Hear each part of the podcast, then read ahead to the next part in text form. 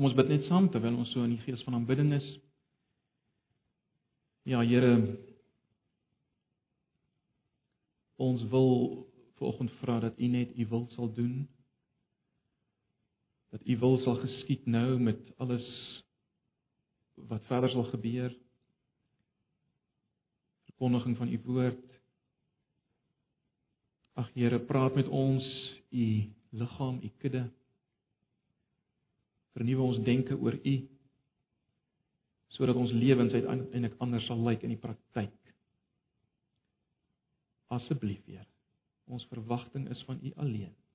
Amen.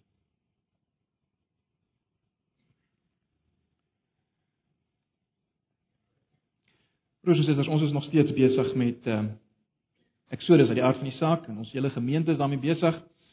Ehm um, Exodus word deurgetrap in ons klein groepe. Ons is baie dankbaar daarvoor. En daarom as ons in die oggend dit hanteer, uh, lees ons nie die hele gedeelte nie. Ons kan nie die hele gedeelte lees nie. As ons ook besig is met 'n verhalende boek soos uh, Exodus, is dit bietjie anders as wat ons besig is met 'n gedeelte in Romeine waar jy maklik agter die logiese argument kom en ek mooi uiteensit. Uh, is 'n bietjie van 'n ander aard.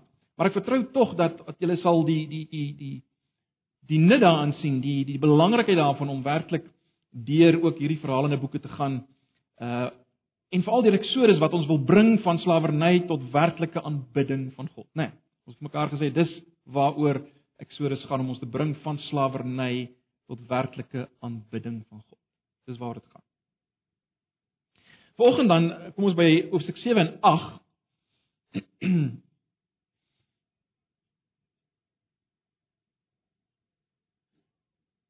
Ons nou begin inbeweeg in hierdie gedeelte van die pla, maar ons gaan twee keer daaraan spandeer. Nou is nie die maklikste gedeelte om oor te preek nie, dit moet ek vir julle sê. Maar ek vertrou dat dat ons iets gaan hoor wat die Here vir ons wil sê. Kom ons lees net in hoofstuk 7. Kom ons lees die eerste 13 verse saam. Nou aan die einde van hoofstuk 6, ehm uh, sê Moses weer maar hy hy praat swaar en die Farao gaan nie na hom luister nie. Dan hoofstuk 7 vers 1 antwoord die Here hom. Kyk, ek gee aan jou gesag oor die Farao en jou broer Aaron sal jou woordvoerder wees. Alles wat ek jou beveel, moet jy aan jou broer Aaron oordra en hy moet dit vir die Farao vertel sodat hy die Israeliete kan natrek uit sy land uit. Maar ek sal die Farao hardkoppig maak sodat hy baie tekens sodat ek baie tekens en wonders in Egipte kan doen. Hy wil wel nie na julle luister nie, maar dan sal ek Egipte my mag laat ervaar Met groot reddingsdade sal ek die stamme van my volk Israel uit Egipte bevry. As ek Egipte tref, sal hulle besef dat ek die Here is en dan sal ek Israel tussen hulle uit laat trek. Moses en Aaron het gedoen presies wat die Here hulle beveel het. Moses was 80 en Aaron 83 toe hulle met die Farao gaan praat het. So mense is nooit te oud vir hierdie tipe goed nie, né? Vers 8. Verder het die Here vir Moses en Aaron gesê: "As die Farao vir julle sê, doen bietjie 'n wonderteken, moet jy vir Aaron sê: "Vat jou kierie en gooi dit voor die Farao neer dat dit 'n groot slang word." Toe Moses en Aaron by die Farao kom, het hulle gedoen wat die Here beveel het. Aaron het sy kierie voor die Farao en sy amptenare neergegooi en dit het in 'n groot slang verander. Die Farao roep toe ook sy manne bymekaar wat die soort ding ken, sy golaars, sy towenaars. Die Egiptiese towenaars doen toe met hulle towerkunste presies dieselfde. Soos elkeen sy kierie neergooi, verander dit in 'n groot slang, maar toe sluk Aaron sin hulle sin in. Tog het die farao koppig gebly en nie aan hulle versoek gehoor gegee nie, net soos die Here vooraf gesê het. En dan begin die die pla uh, wat ons nou ken van kleins af uh, en ons gaan vanoggend na die eerste 4 kyk.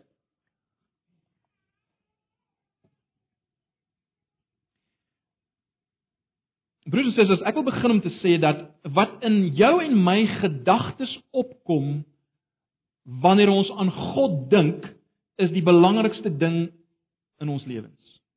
Ek sê dit weer.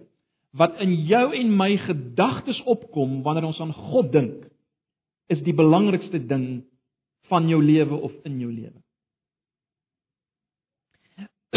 Wat ons baie mooi moet verstaan is dit: afgodediens Afgodediens bestaan nie net in die fisiese kniel voor sigbare beelde of uh onsigbare voorwerpe nie. Ons dink dikwels so aan aan afgodediens. Nee broers en susters, wat ons baie mooi moet verstaan is die essensie van afgodediens is eintlik die kom ek noem dit die akkommodering van gedagtes oor God wat hom nie waardig is nie. Hoor ons dit? Die essensie van afgodediens is die akkommodering van gedagtes oor God wat hom nie waardig is. Dan is jy besig met afgodediens.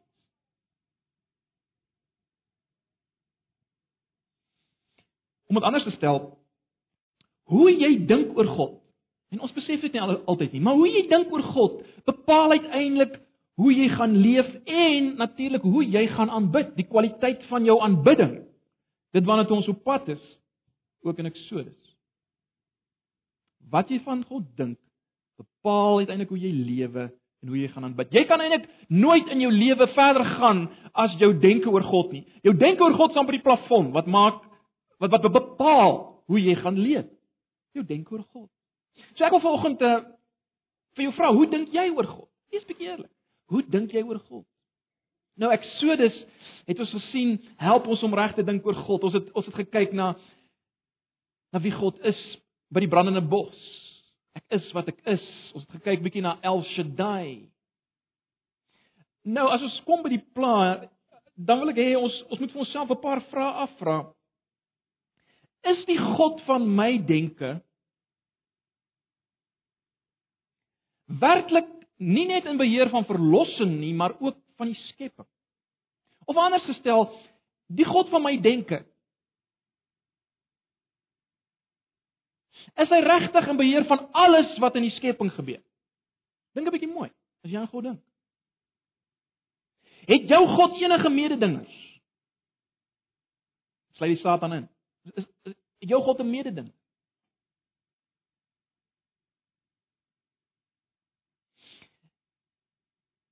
Is jou God in staat om alles in die skepping te gebruik om homself bekend te maak?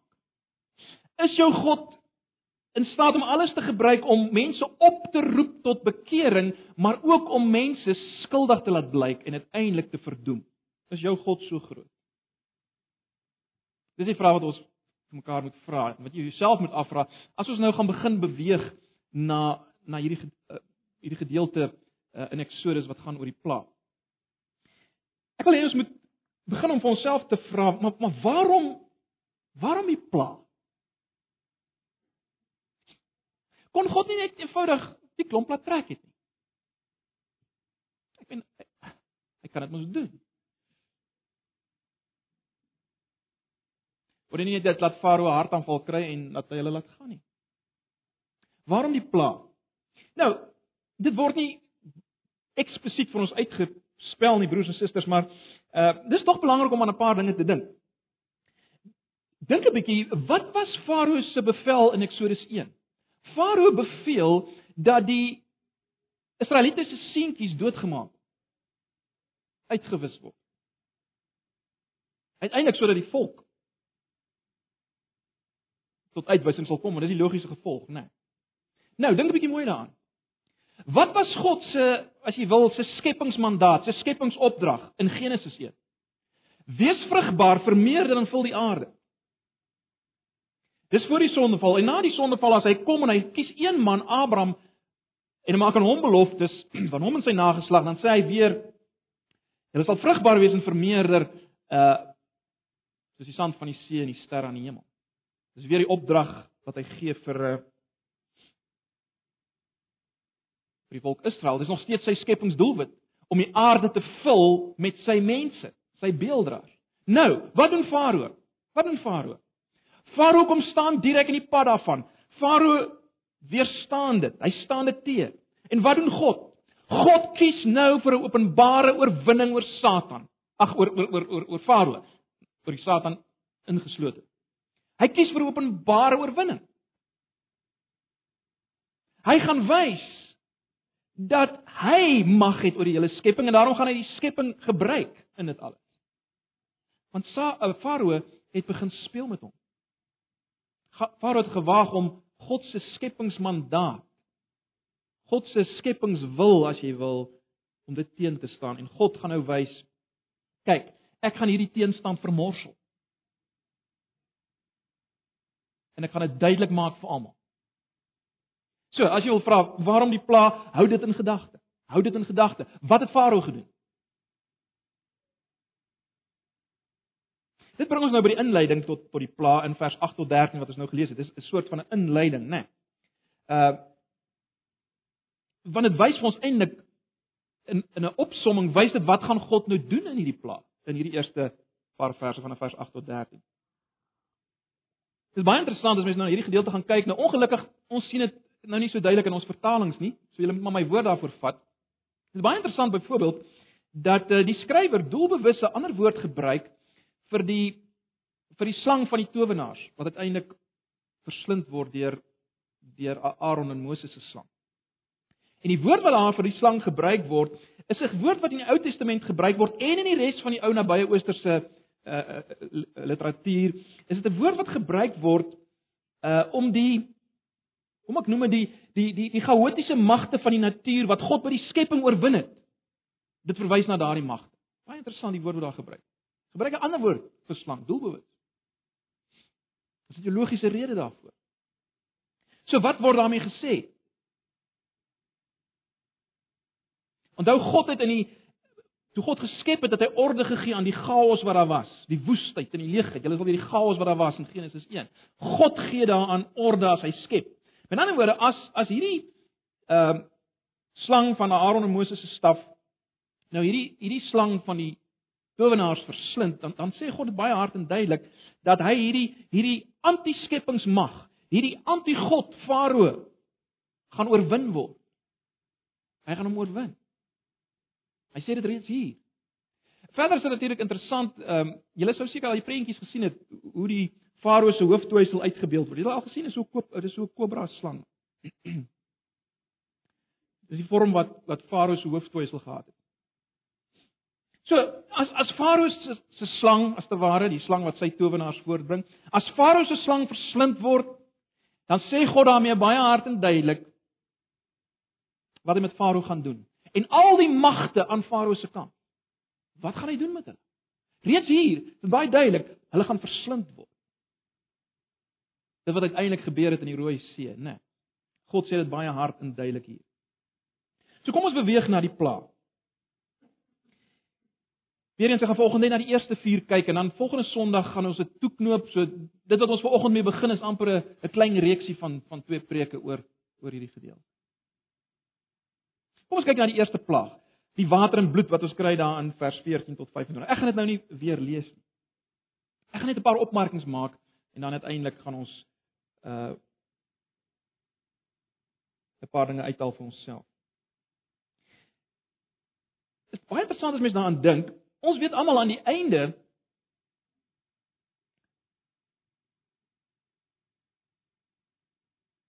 van God se verlossing uit Egipte as ek dit so kan stel. Aan die einde word die leermag van Farao, die Egiptiese leermag sterf in die Rooi See. Let op die woorde Rooi See. Hulle sterf in die Rooi See. Dat mens onmiddellik dink aan bloed, né, nee, die rooiheid van bloed. Nou dis baie interessant. Uh dit moenie gemis word nie, die die die, simbolisme hier in nie. Want want wat in die eerste plaag gebeur as die water in bloed verander, is alreeds broers en susters 'n aanduiding. God sê al klaar daarmee wat gaan uiteindelik gebeur. Hy wil al klaar iets daar sê van wat uiteindelik gaan gebeur. Nie toevallig nie.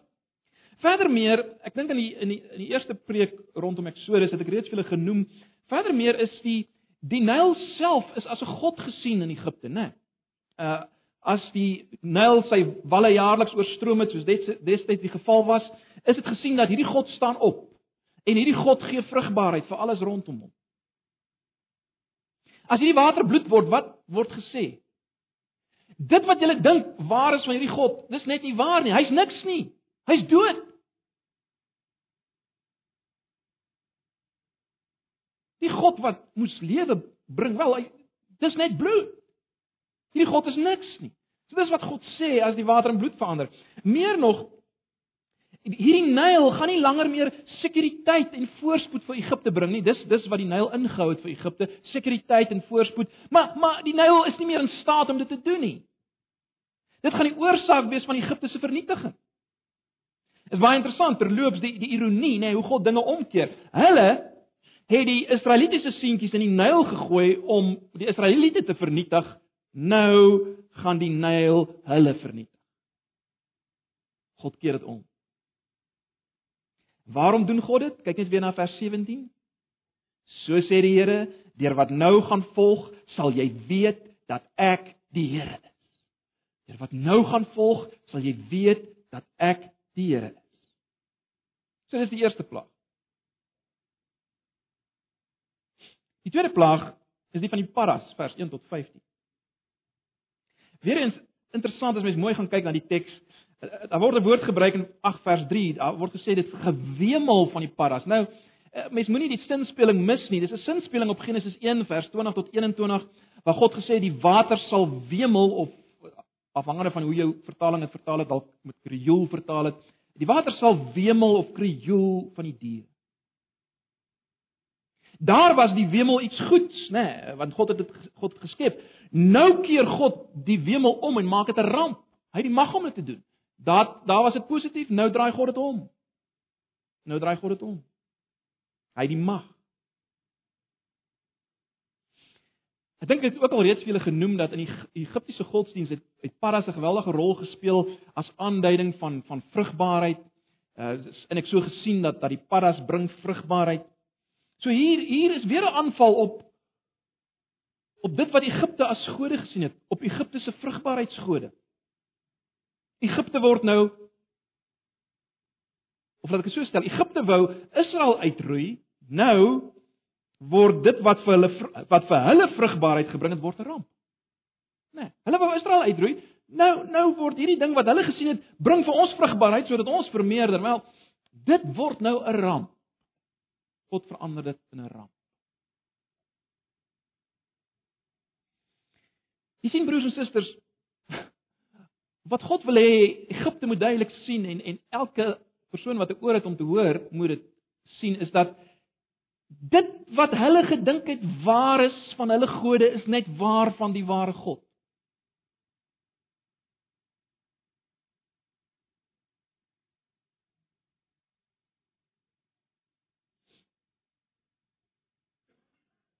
As mens verder kyk na hierdie plaag, is dit interessant om te sien dat God het die mag om hierdie plaag te laat ophou. Dis baie belangrik. Dis net so belangrik soos die begin van die plaag want as jy die gedeelte gaan lees, dan sal jy sien die die towenaars kon dit nie doen nie. Die towenaars interessant, hulle kon nie hulle kon die paras laat voortkom. Maar hulle kan nie laat ophou nie. Net God kan dit doen.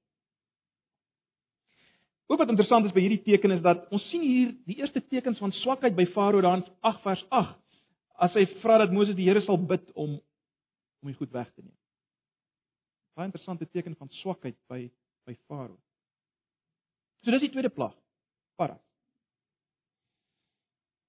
Dit bring ons by die derde plaag, die muggies in vers 16 tot 19, net 'n paar verse. Nou wat interessant is aan hierdie plaag, is dis die eerste plaag, let wel, wat die Egiptenare nie kon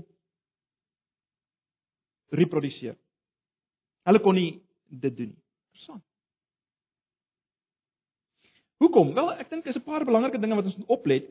Uh ons sien dat hierdie muggies het die in die 1953 vertaling word dit letterlik gestel, hulle het uit die stof van die aarde voortgekom of dan net uit die aarde voortgekom. Ehm um,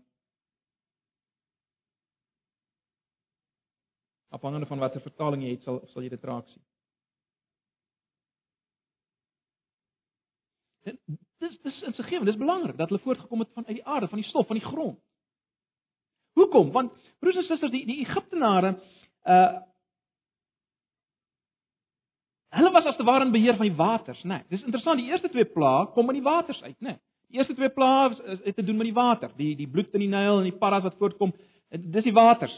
En en en die water was die lewe en krag van Egipte, polities, ekonomies, godsdienstig, dit was hulle kragbron, dis waaroor hulle beheer gehad het. Ewe skielik is hulle nou uit hulle element. Hierdie muggies kom uit die letterlik uit die stof van die aarde, uit die aarde uit. Wat sê God daarmee? Ek is God van die hele natuur. Ek is nie gebind net tot een afdeling nie. Net tot die waters.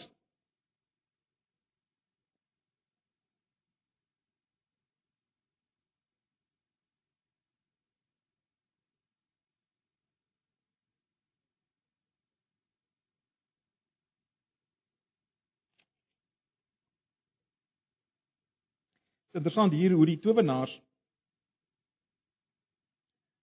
vir Farao uiteindelik sê maar dis dis die dis die vinger van God. Dis die vinger van God. Nou letterlik staan eintlik net dis 'n vinger van God. Hulle het nog nie die God van Israel bely nie, maar uh ten minste was dit in die regte beweging in die regte rigting. Hulle hulle was bewus dat hulle die beheer hieroor. En dis die groot doelwit in hoofstuk 7 vers 5 dat hulle sal erken wie God is. Sal erken wie God is.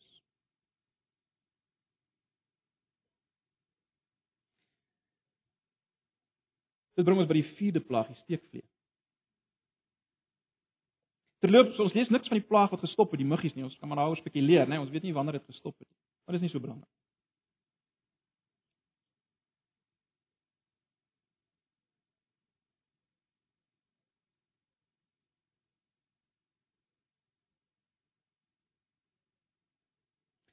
Terloops, as jy net gesoek het die belydenis in vers 19 is daai belydenis van die towenaars wat sê dis die vinger van God.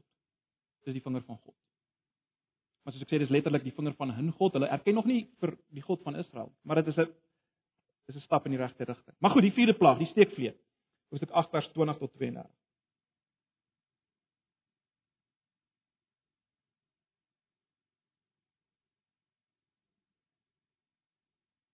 As 'n interessante woordspeling weer eens in die oorspronklike taal. Uh God sê in, in effek, as jy nie my mense laat gaan nie, sal ek hierdie steekvlee oor jou laat gaan. Dis wat hy letterlik daar sê. So 'n interessante woordspeling. Nou, wat interessant is is dat hierdie plaag van die lig is. Weerens God is in beheer van elke deel van die geskaapte werklikheid. Wat ook opvallend hier is is dat daar word nie 'n staf gebruik om hierdie plaag na vore te bring nie. En dit dui weerens op die die die skepingsmag van God van Genesis 1. Hy kan net praat en dit gebeur. En dit sien ons by hierdie plaag van die steekvlee. In Hoofstuk 8 vers 24 is interessant dat daar 'n verwysing na die hele land wat nou gaan vernietig word. So hierdie hierdie plaag kom uit die lug uit. Land sal vernietig word. Ons ons het nou al gesien hoe hoe hoe God die plaag uit die water laat kom. Gebruik die waters, die aarde, die stof van die aarde, die lug en nou ook weer die die land wat wat vernietig word self. Vir die eerste keer by hierdie plaag word ook die onderskeid getref tussen God se mense en Farao se mense in vers 21 en in vers 23. En let wel, hierdie onderskeid tussen God se mense en Farao se mense is nie net om die Israeliete te red nie, maar om God se mag te vertoon aan Egiptenaar. Vers 22. Nee, God wil sy mag vertoon aan die Egiptenaar. Deur juist te wys daar's 'n onderskeid tussen sy mense en die Egiptiese mense. In hierdie gedeelte kom Farao natuurlik met daai voorstel dat hulle maar hulle, hulle kan na in Egipte gaan offer vir die Here en uh, wat wat Moses in effek daar antwoord bietjie sarkasties is dat in effek sê maar wie ons is nie so dom nie, ons is slimmer as dit. Dis wat hy in effek sê. Maar goed, Farao probeer nog met so 'n plannetjie dat hulle maar daar in Egipte sal aanbid. In vers 28 sien ons baie duidelik dat ehm um, dat Farao nog nie werklik besef wie is God nie, né? Kyk vers 28. Hierna sê die Farao: "Dan laat ek julle nou maar gaan om in die woestyn vir julle God vir julle God die Here te offer." Moet net nie te ver weg gaan nie en bid vir my. Hy dink nog steeds hy het die mag om hulle te laat gaan. Hy besef nog nie wie hy is en wie's God nie, né? En dan stop God hierdie plaag. En uh die stop van die plaag wys natuurlik weer dat God mag het om te skep. Dis eintlik 'n herskepping. As God die plaag stop, dan herskep hy weer dit wat tot niet gegaan het deur hierdie plaag. Maar goed, dis die eerste vier plaag. As ons net so daarna kyk. Nou moet ons 'n bietjie terug staan en ons moet vir mekaar vra, goed, wat sien ons nou hier van God en Farao in hierdie eerste 4 plaae? Wat belangrik is as ons begin daarna kyk broers en susters, is dit wat ek reeds genoem het dat die Farao is letterlik ook gesien as 'n god, né? Nee, hy hy was die seun van die, van die god Re. En en dis soos hulle dit verstaan het, hierdie Farao was verantwoordelik om die orde in die hele kosmos te handhaaf as god. Maar nou loop alles verkeerd in die natuur. Dis chaos in die natuur. Alles loop verkeerd. So dit sê vir ons, hy's nie in beheer nie. Nee, God is in beheer. Farao en Aaron het meer beheer as as as Ekskuus, Moses en Aaron het meer beheer as Farao. So God kom wys baie duidelik wie is hy en wat is die Farao en al sy magte. Hulle is niks. God is in beheer. Verdermeer, God kom wys baie duidelik dat Farao is absoluut skuldig. Hy's absoluut skuldig. Uiteindelik gaan hy geen verskoning hê nie. Geen verskoning. Met elke keer wat hy nie tot inkeer kom nie, raak hy meer en meer skuldig. Maar daar's iets anders wat ons moet onthou, wat ons dikwels mis, miskyk. Baie interessant, as Farao elke keer vir die towenaars vra om dieselfde ding te doen. Wat sê hy in effek daarmee? Hy sê in effek wel God en hierdie towenaars is op dieselfde vlak. Hulle kan presies dieselfde doen as God. Dis dodelik gevaarlik, is dit nie? Want ons weet wat se mag het hierdie towenaars gehad? Waar kry hulle hulle mag vandaan? Wel, dis dis dis demonies, satanies. En hy kom sê as te ware wel God is op dieselfde vlak. Hulle kan dieselfde doen as God.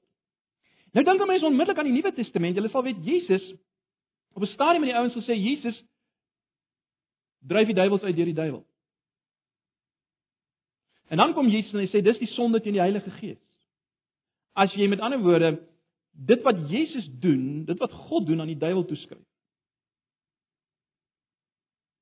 Die onvergeeflike sonde van sonde teen die Heilige Gees. As jy dit wat God doen, dit wat Jesus doen aan die duiwel toeskryf.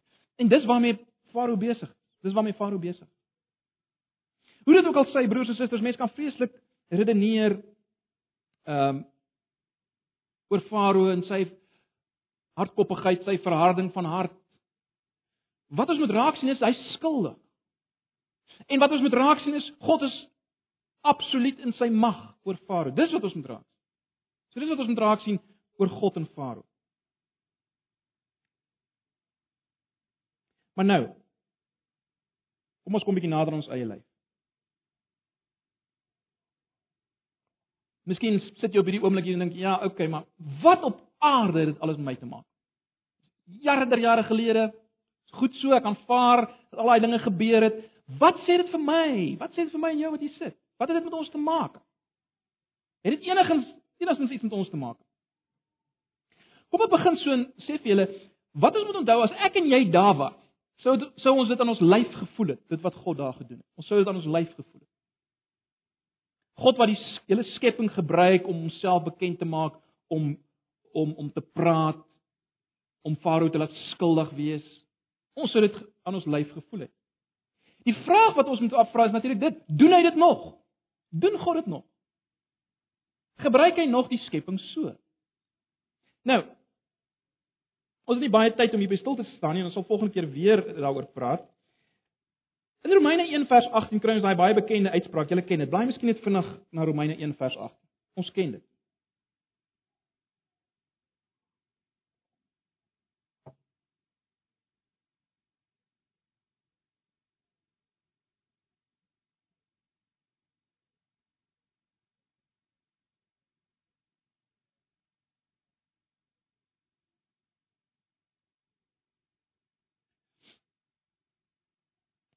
As Here wil ons oor jare wat Romeine doen en as ons nou meer kan op ingaan. Ek wil net julle met iets raak sien. Kyk na vers 18.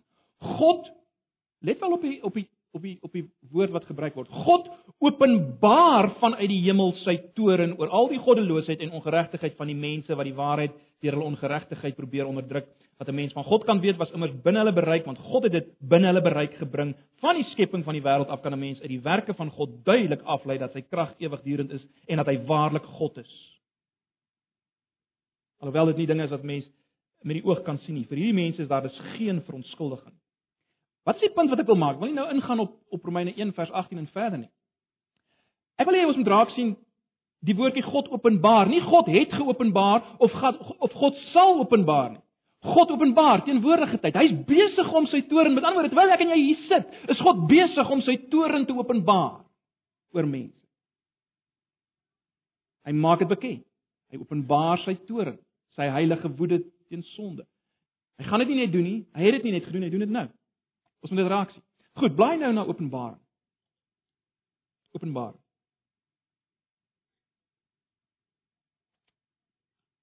Miskien kan julle slank net bly na Openbaring hoofstuk 8.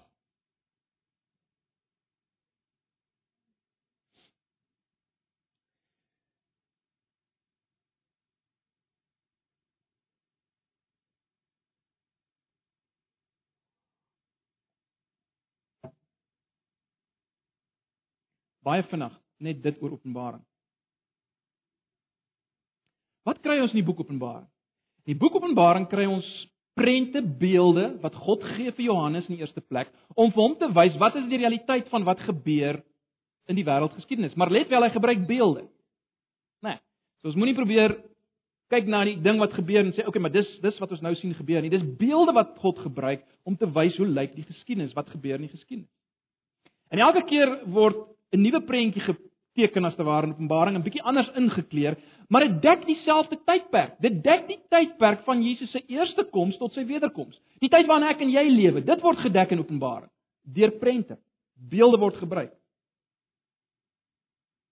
En wat ons onder andere sien, ons ons ons lees van seels wat oopgebreek word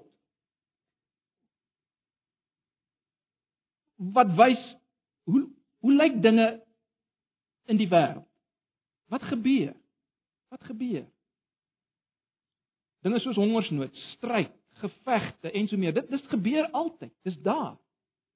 Dis deel van hierdie seels wat oopgebreek word, let wel deur die opgestane Jesus, deur die lam waarvan ons in Openbaring 5 lees. Jesus, die verlosser. Hy hy hy laat hierdie dinge plaasvind, die seels wat oopgebreek word. Maar dis nie net seels nie, daar kom ook daar word ook trompette geblaas. En uiteindelik word daar bakke uitgegooi op aarde.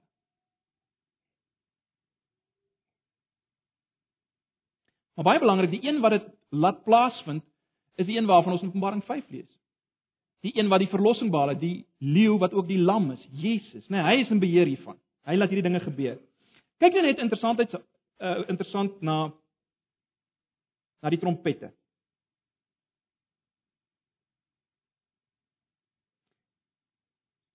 Openbaring 8 vers 6.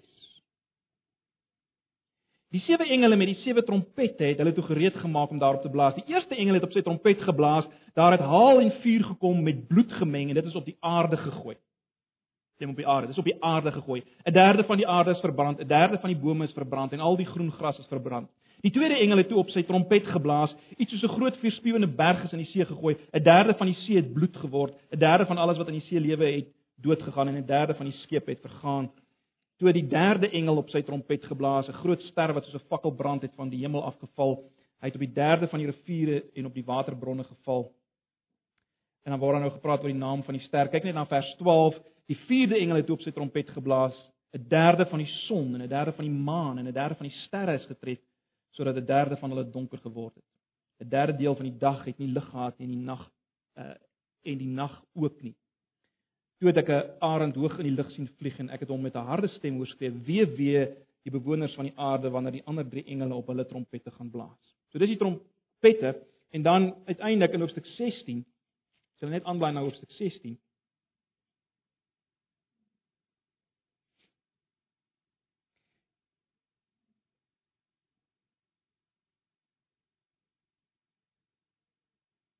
Dan is daar bakke van God se toorn wat uitgegooi word.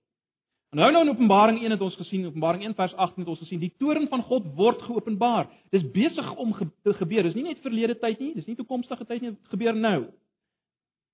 Openbaring 16 vers 1. Toe het ek uit die tempel 'n harde stem vir die sewe engele hoor sê: "Gaan gooi die sewe bakke gevul met die toorn van God op die aarde uit."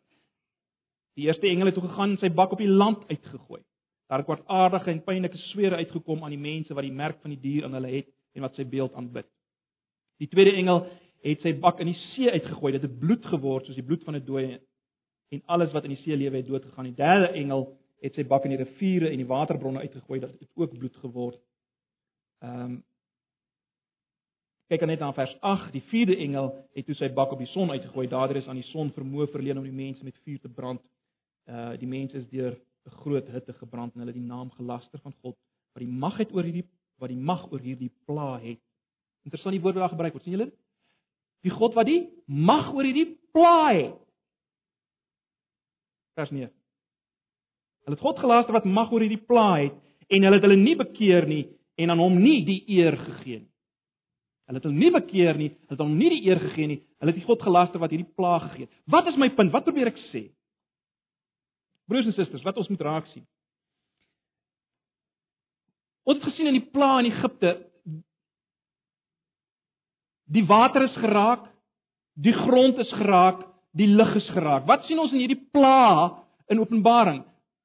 Die water is geraak, die riviere en die see wat die al die waters dui, die die die aarde is geraak, die grond, die aarde is geraak, sien ons baie duidelik en die lug is geraak, né? Nee, as dan verwys word aan die son en die maan en so voort. Die punt is broers en susters, God is besig op die oomblik in alles wat gebeur, in elke ramp, in elke ding wat gebeur in die wêreld, elke natuurramp, is hy besig om homself te openbaar. En die punt van Openbaring is dat hierdie dinge is trompette. Dis roepstemme tot mense om hulle te bekeer tot God. Maar terselfdertyd is dit ook skaalbakke van sy toorn. So, vir dieselfde mens, kom ons sê daar's 'n aardbewing. Argument onthou, daar's 'n aardbewing. Vir een mens kom hierdie aardbewing as 'n trompet oproep, bekeer jou. Vir die ander mens kom dit as 'n verdoeming. Hy sterf en hy word veroordeel omdat hy nog nie bekeer het. Dieselfde gebeurtenis. Maar God is daarmee besig. God is daarmee besig elke dag.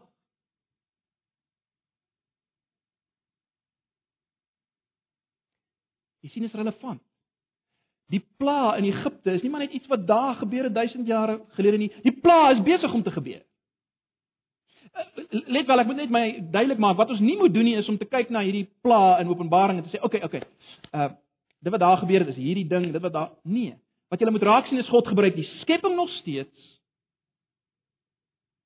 om mense oproep oproep op te roep tot bekering aan die een kant en om mense regverdiglik te verdoem aan die ander kant. Hy gebruik steeds dit wat gebeur elke dag rondom ons. Goed, kom ons begin klaarmaak. Wat leer ons met ander woorde, broers en susters, in die lig van dit alles oor God in hierdie eerste 4 plaae van Eksodus. Wel ons moet leer God is altyd werksaam. God is altyd besig om te werk. En let wel, hy's betrokke in die skepping. God is nie net 'n God wat besig is met verlossing in mense se lewens nie. Hy's besig met met die skepping. Skepping en verlossing mag nie geskei word nie. Skepping staan in diens van verlossing. God gebruik die skepping in sy verlossing. Hierdie goed kan nie geskei word. Dis die eerste ding wat ons moet sien. God is altyd werksaam. En hy gebruik die skepping in sy verlossing. Die twee goed kan nie geskei word. In Johannes 1 sien ons dat Jesus die verlosser is die skepper van alles, né? Nee. Johannes 1 vers 1. Maar goed, 'n volgende ding wat ons moet raak sien is daar is geen mag of krag groter as God.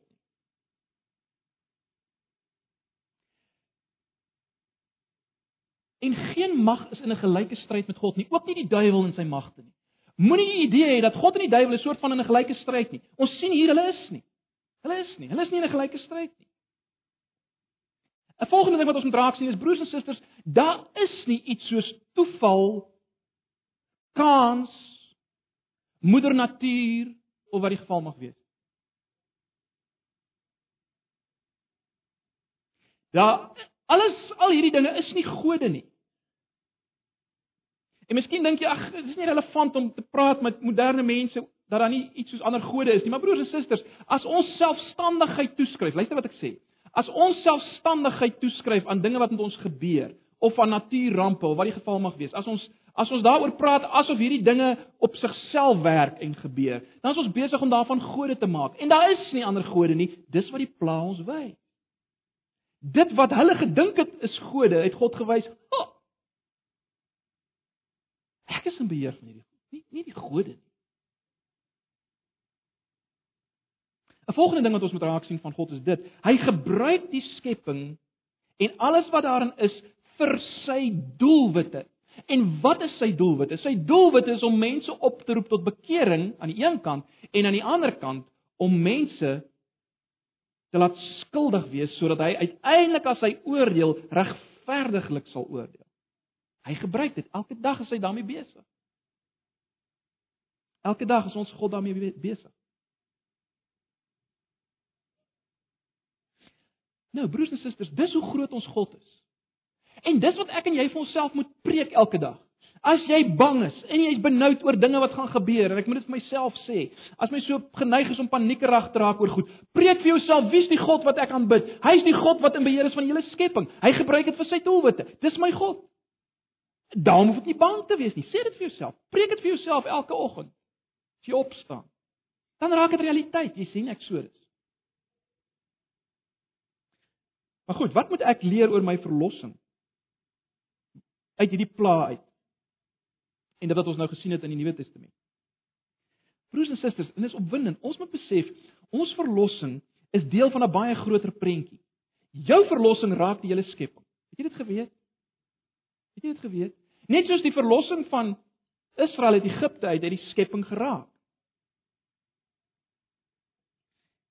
Net soos die skepping nou nog betrokke in ons verlossing. Blaai bietjie net weer na Romeine 8 vers 19. Blaai gou na Romeine 8 vers 19. Dis 'n bekende gedeelte.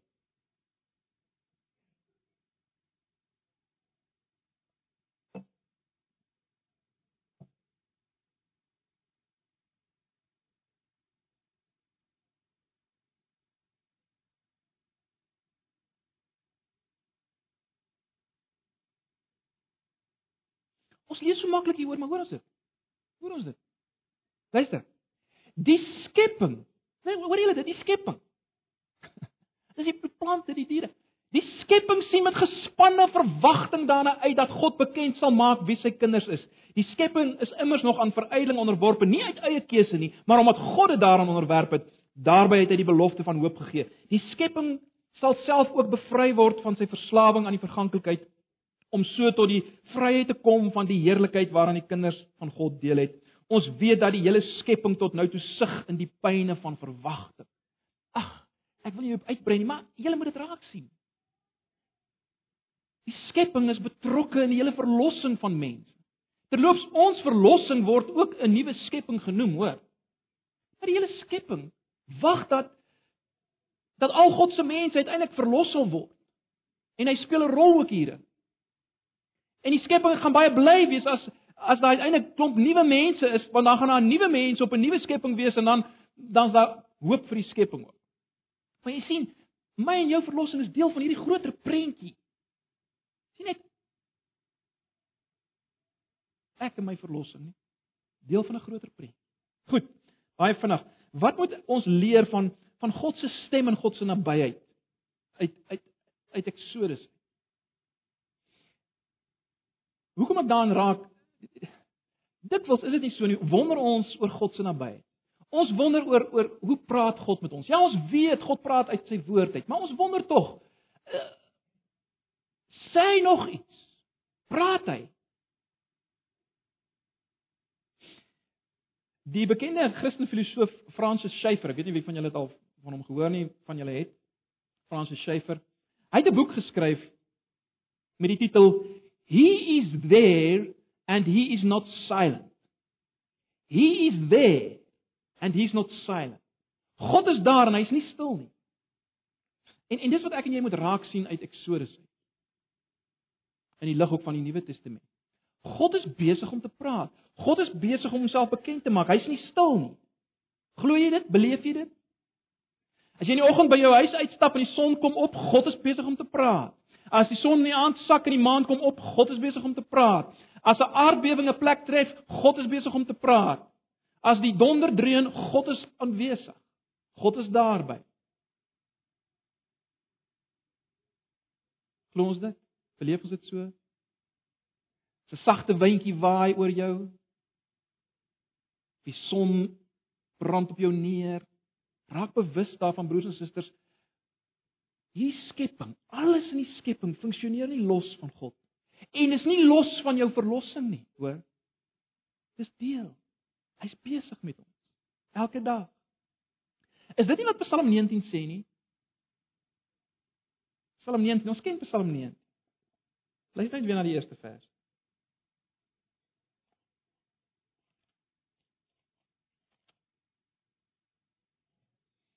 Vers 2: Die hemel getuig van die mag van God. Die uitspansel maak die werk van sy hande bekend. Die een dag gee die berig deur aan die ander en die een nag deel die kennis van die volgende mee. Vers 5 uh, of vers 4 sê sonder spraak en sonder woorde, onhoorbaar is hulle stem. Tog gaan daarvan 'n boodskap uit oor die hele wêreld en hulle taal bereik die uithoeke van die aarde. Is dit jou God? Oral is, besig is met jou praat. Ag, ek sluit af met 'n laaste 'n laaste gedagte. Wat wat moet 'n nie-Christen sien? As jy vanoggend hier sit as 'n nie-Christen, wat moet jy raak sien? Jy moet raak sien God is besig om met alles of God is besig om met jou te praat deur alles rondom jou. Elke ramp, elke siekte, elke pyn, elke ellende is sy megafoon wanneer hy roep na jou om tot inkeer te kom. Moenie met God speel nie. Ja, God is ongelooflik genadig, ongelooflik barmhartig en uh, volgende Sondag sal ons bietjie daaraan raak. Uiteindelik stort hy die pla uit op sy seun. sodat daar verlossing kan wees. Maar dit gesê, broers en susters, moet ons verstaan en ons moet dit dat deurkom na nie Christene. En as jy vanoggend as 'n nie Christen hier sit, weet dit. God roep op tot bekering, maar uiteindelik gaan hy ook regverdig wees as hy jou veroordeel en hy gebruik alles om om daardie doel te bereik. Moenie speel met God. Moenie dit moenie sy stem weerstaan nie. Moenie sy stem weerstaan. Vlug na Jesus. Dis die enigste hoop. Dis die enigste hoop. Hoe kan jy bly staan teen hierdie God? Hoe kan 'n mens by jou logiese verstand wees en probeer om teen hierdie God op te staan in jou lewe. Jy moet van jou kop af wees. So ag as jy volgende hier sit as 'n nie Christen, soek skuilings by Christus. Moenie God se stem weerstaan nie. Vlug na hom. Ek wil vra dat ons nou vir 'n paar oomblikke net stil word. Net elkeen by homself. En al wat ons doen is kom ons erken dat die Here die Here is. Dis dis waarvoor hy alles laat gebeur het in Eksodus. Sodat ons sal erken wie hy is. So ek wil hê kom elkeen van ons sê net weer vir die Here, Here, ek erken U as God oor alles. Die een wat alles kan gebruik vir U doelwitte. Kom ons word 'n paar oomblikke stil en dan sluit ek af met gebed.